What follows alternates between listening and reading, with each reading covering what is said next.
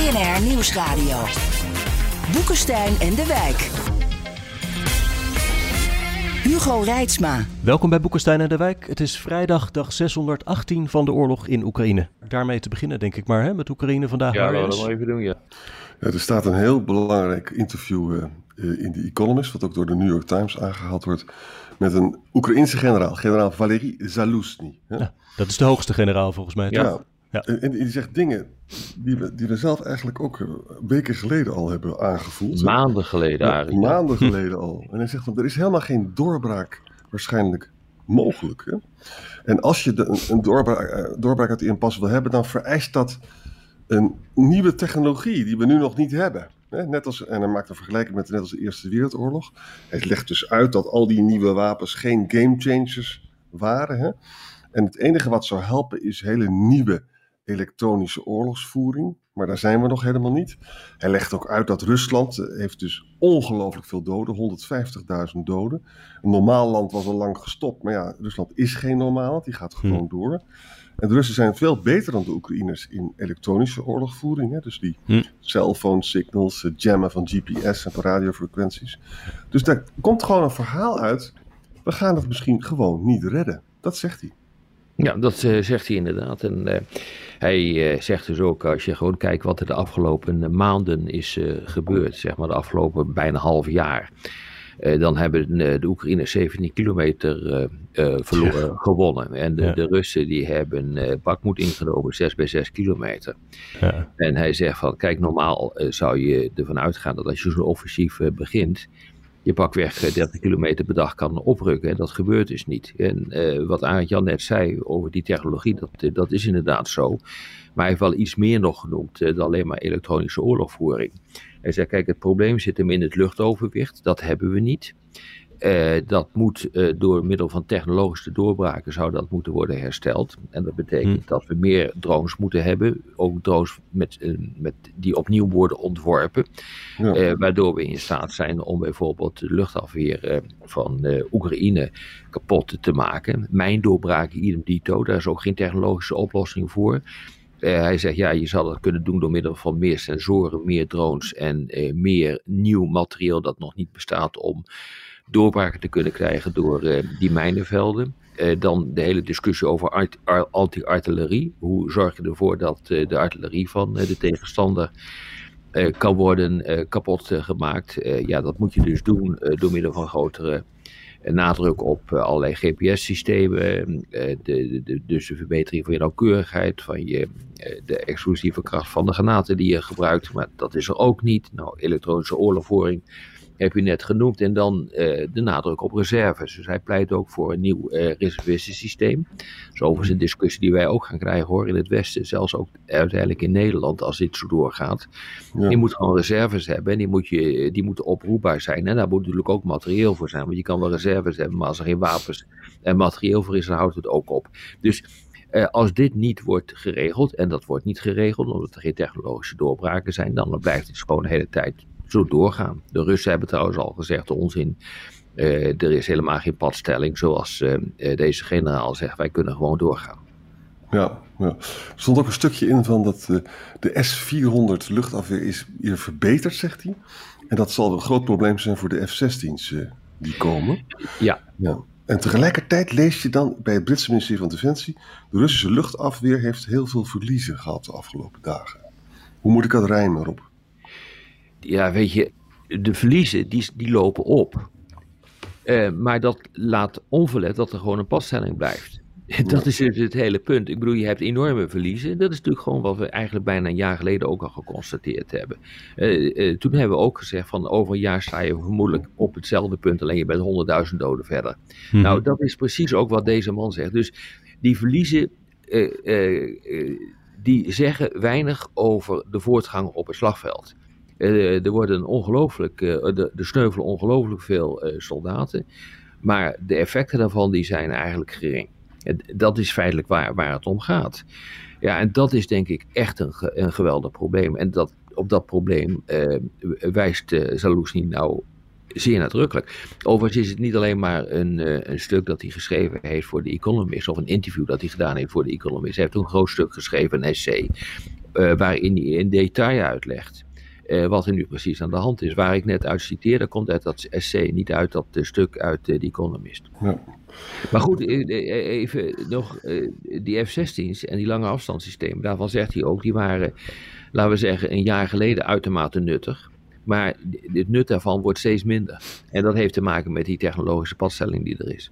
Exact, exact. Dus we hebben dus nu echt een clusterfuck. Hè? Rusland wil absoluut niet onderhandelen. Die is gewoon bereid, dat autocratische systeem, om al die jongens de dood in te jagen. Dat kunnen ze nog heel lang volhouden in dat belachelijke systeem. Hè? Oekraïne uh, wil natuurlijk op allerlei redenen ook niet onderhandelen. Dus wordt het een lange oorlog. En in die lange oorlog, ook door het Arabisch-Israëlische conflict dat is opgeleid, dan heeft Rusland de beste kaarten. Het is verschrikkelijk. Ja. Hm. Nou ja, dat hangt er dus vanaf hoe je het bekijkt. Uh, die zegt ook van de Krim is het zwakke punt van de Russen. Dat hebben wij ook gezegd. We hebben meerdere malen de aandacht gevraagd voor wat er gebeurt op de Krim. dus de Russische Zwarte Zeevloot die is inmiddels in belangrijke mate teruggetrokken uit, uit de Krim. En die is nu helemaal aan de andere kant van de Zwarte Zee ondergebracht in, in nieuwe havens. dat is echt een grote overwinning voor, ehm, voor uh, Oekraïne. Uh, ik denk, wat hierachter zit, is dat Zelensky zal zeggen van uh, wij proberen nu te consolideren aan het front. We gaan niet al onze mannen en vrouwen opofferen aan, aan die strijd die daar gevoerd wordt. Maar we gaan nog steeds meer concentreren op de Krim. En dat is denk ik een hele slimme actie. Want op het moment dat jij in staat bent om die Krim af te grendelen, en dat kan nu door middel van die ATACMS. De eerste ATACMS zijn een paar dagen geleden neergekomen op, uh, op de Krim. Dat zijn die lange afstandsraketten met een afstandsbereik van maximaal 300 kilometer, maar zijn een beetje teruggetuned. Dus je kunt daarmee uh, de Krim bestoken. Dus ik denk wat je hier gaat zien is dat Oekraïne gaat temporiseren aan, aan het front. Uh, niet meer overal keiharde doorbraken probeert te forceren, want dat lukt toch niet. Maar je gaat gewoon daar, uh, uh, Rusland daar pakken waar het het zwakst is, en dat is op de Krim. Het zou me niet verbazen als dat de strategie is die hierachter zit. En daar is Oekraïne redelijk, redelijk succesvol in, tot nu hm. toe. Je hoort overigens wel weinig, je leest niks over de Krim wat er gebeurt. Nee, maar daar is natuurlijk een, enorme operationele stilte ook aan de kant van Oekraïne, maar ook aan de kant van Rusland. Maar als je echt wil weten wat er op dit ogenblik gebeurt, moet je echt kijken naar wat er op de Krim gebeurt. Dat is denk ik, eh, denk ik op dit ogenblik bij far het meest interessant. Dat hebben we eerder gezegd. Uh, dat uh, lijkt ook inderdaad te, te kloppen. En we hebben ook geconstateerd dat Oekraïne daar zo'n grote successen boekt. De, wat Salusi nu zegt, die generaal, dat gaat eigenlijk alleen maar over het front. En daar heeft hij denk ik volledig gelijk in. Dat is ook de conclusie die wij hebben getrokken. Maar wil je echt kijken wat er aan de hand is in deze padstelling, dan moet je kijken wat er gebeurt op de Krim. En daar is geen sprake van een padstelling. Dus eigenlijk zeg je Rob, ze gaan in Donbass gaan, gaat Oekraïne verdedigen in plaats van ja, Ik denk dat ze gewoon, uh, ik denk dat uh, als je dit allemaal leest, uh, dat je dan van offensief naar defensief moet gaan. Want dit heeft, toch, dit heeft totaal geen zin wat je hier aan het doen bent. Het kost alleen maar ongelooflijk hoeveel mensenlevens. Die zijn schaarser in Oekraïne dan in Rusland. Dus dan kun je veel beter, laten we zeggen, asymmetrisch gaan reageren. En dat betekent twee dingen. Uh, in de eerste plaats het opvoeren van de partisanenstrijd. Nou, die, uh, uh, in Melitopol is die, is die bijvoorbeeld behoorlijk sterk. Maar ook in Donetsk stad is ook sprake van een enorme partisanenstrijd. Dus ik zou die gewoon opvoeren. En ik zou dus de aanvallen op de Krim zou ik, zou ik opvoeren. Want dat is tot nu toe redelijk een vijfplaats gebleven. Voor het lange termijn overleven van Oekraïne is natuurlijk niets belangrijker dan voortgaande Amerikaanse steun. Hoe, hoe is het gehannes daarmee in Washington op het moment? Nou ja, Mike Johnson is dus een nieuwe speaker. Hè?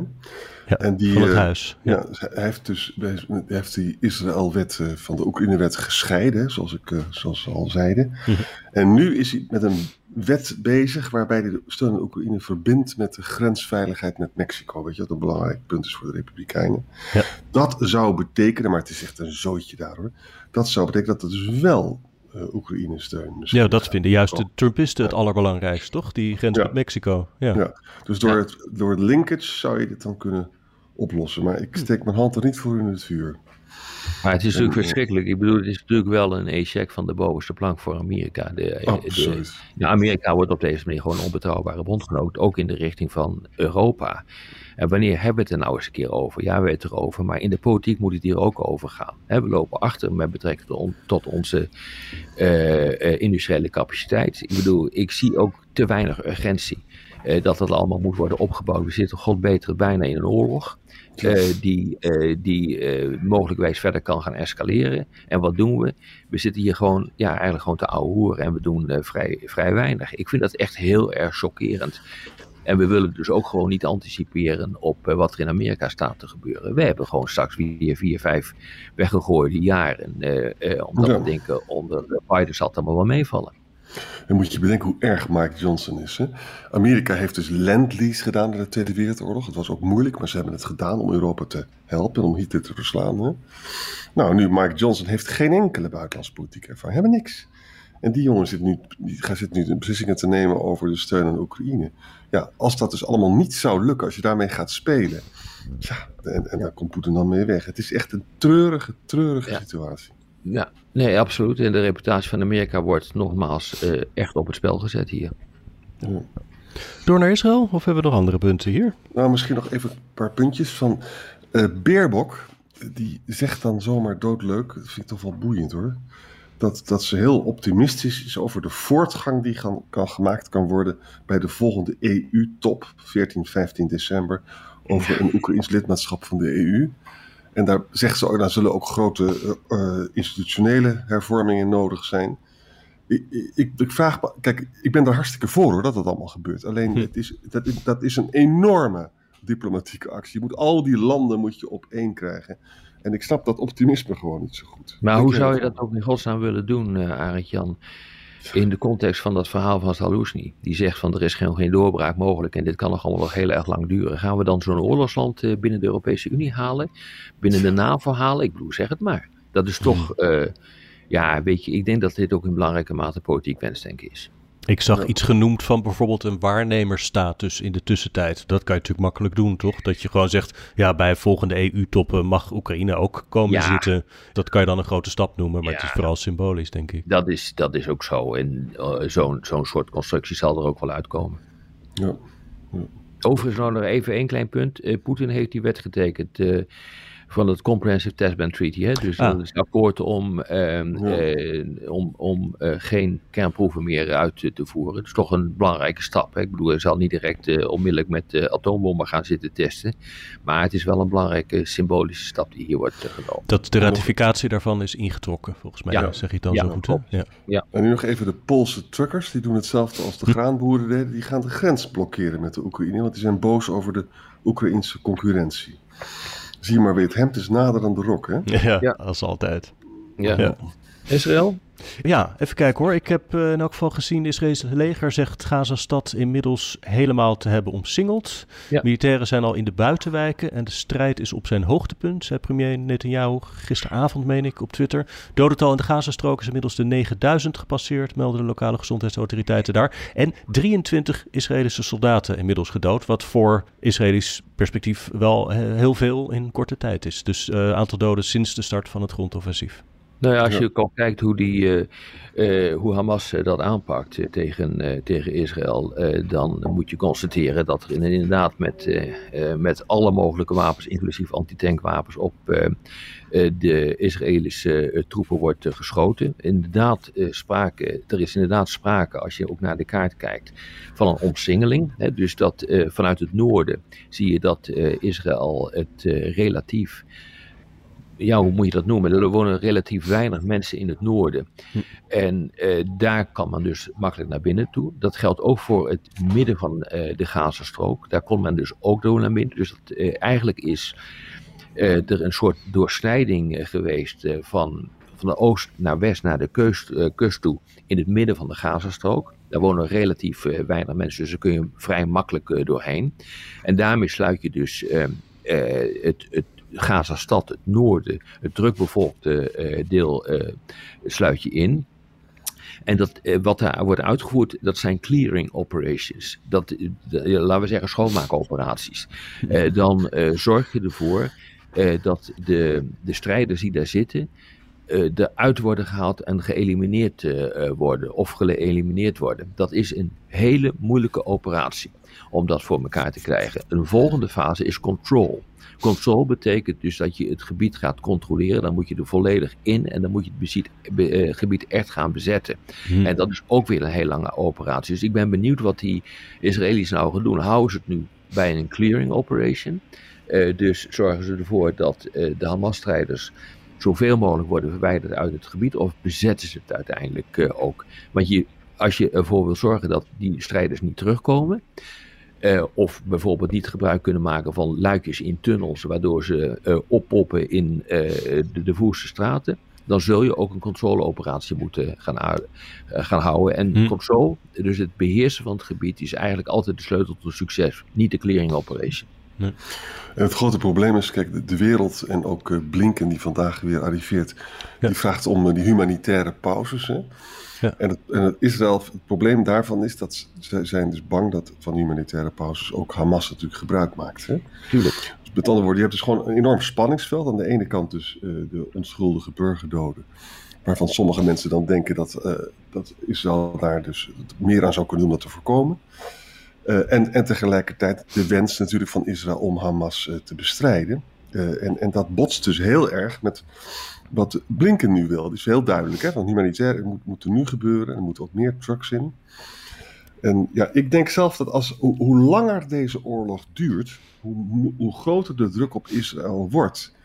Dus ze zullen toch ze zullen toch die humanitaire pauzes moeten gaan toestaan, denk ik. Ja, gisteren overigens zijn 102 vrachtwagens hulpgoederen eh, de Gazastrook binnengekomen. Het hoogste aantal tot nu toe. En dat was ook een getal dat de VN eerder noemde als het noodzakelijke. Die, die 100 vrachtwagens per dag heb je echt nodig om de mensen daar te laten overleven. ja. ja. Nou ja, de, de, kans op escalatie is nog steeds groot. Hè. Ik zie ook berichten komen uit de, de, Verenigde Arabische Emiraten die ook wat zenuwachtig worden. Ja. En die zeggen, uh, laten we in godsnaam proberen om dit uh, te vermijden. Uh, tegelijkertijd zie je een toenemende samenwerking tussen Iran, Hezbollah en strijdgroepen in, in Syrië. Er is ook een gezamenlijk ehm, hoofdkwartier opgezet, een coördinatiecentrum opgezet voor een eventuele vergroting van de strijd tegen Israël. generaal van de Republikeinse Garde uit Iran, die coördineert dat, generaal Ghani. Daar hebben we het al eerder over gehad, maar die is nu actief, niet alleen in Syrië, maar die is nu naar Libanon gegaan. dus de verwachting is toch dat als dit doorgaat, ehm, dat men in ieder geval gepositioneerd is, die strijdgroepen, ten noorden van Israël, om, om die strijd te verbreden. Nou ja, als dat gaat gebeuren, jongens, ik bedoel, we zien dus ook gewoon nu die, uh, die inschatting wat dat economisch gaat uh, betekenen. Een verdubbeling van de olieprijs. Nieuwe, nieuwe energiecrisis. Oh, uh, grote problemen ja. met de voedselproductie in andere landen die ook van, afhankelijk, die ook van energie afhankelijk is. Ja. Egypte, uh, Egypte, Pakistan, Sri Lanka zullen keihard worden geraakt. Inflatie zal weer verder omhoog gaan. Hoge rente, dan gaan ze maar door. Ik bedoel, dus gewoon één grote ellende. Ja, ja. Vanmiddag houdt uh, Nasrallah hè, van Hezbollah een speech om drie uur vanmiddag. Wij nemen de podcast daarvoor op.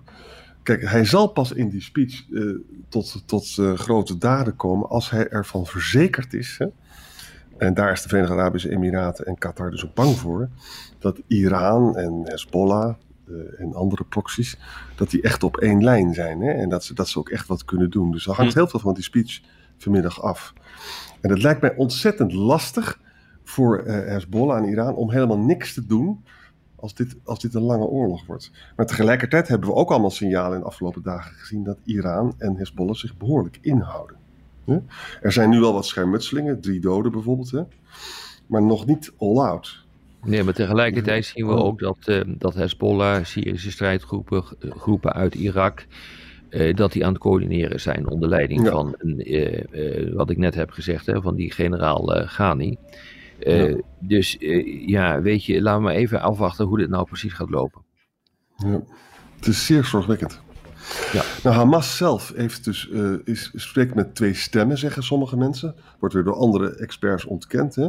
Die meneer Hamad met een D, die heeft een fantastisch verhaal over dat Israël vernietigd moet worden. Hè? Uh, en uh, die was, was op een Libanese tv-zender. En Haniyeh, de man in Qatar, Mhm. Die was meer uh, met een softere lijn, dat hij uit was op ouverture. Er mhm. is overigens vaker hè, meningsverschil tussen de Hamas-leiders, ook in, op, op de Gaza-strip. En dat zou dus, kijk, ik, ik denk dat het heel verstandig zou zijn, dus naast die militaire campagne, dus ook toch proberen een politieke besprekingen te doen. En, dat, en daar zou je dus Hamas uit elkaar kunnen spelen op de, op de termijn. Hè? Dat zou natuurlijk veel beter zijn dan wat er nu gebeurt. Hm. Maar goed, we zullen het zien. Misschien tot slot nog even te noemen dat vandaag zag ik de grens opnieuw open zal gaan met Egypte. Voor de derde achtereenvolgende dag. Dus voor de evacuatie van Palestijnen met een buitenlands paspoort. En een aantal gewonden. Dus een succesje voor de diplomatie. En over de ruimte voor diplomatie op dit moment in het conflict spreken we morgen verder met topdiplomaat Ed Kronenburg. Ja, tot morgen. Tot morgen. Tot morgen.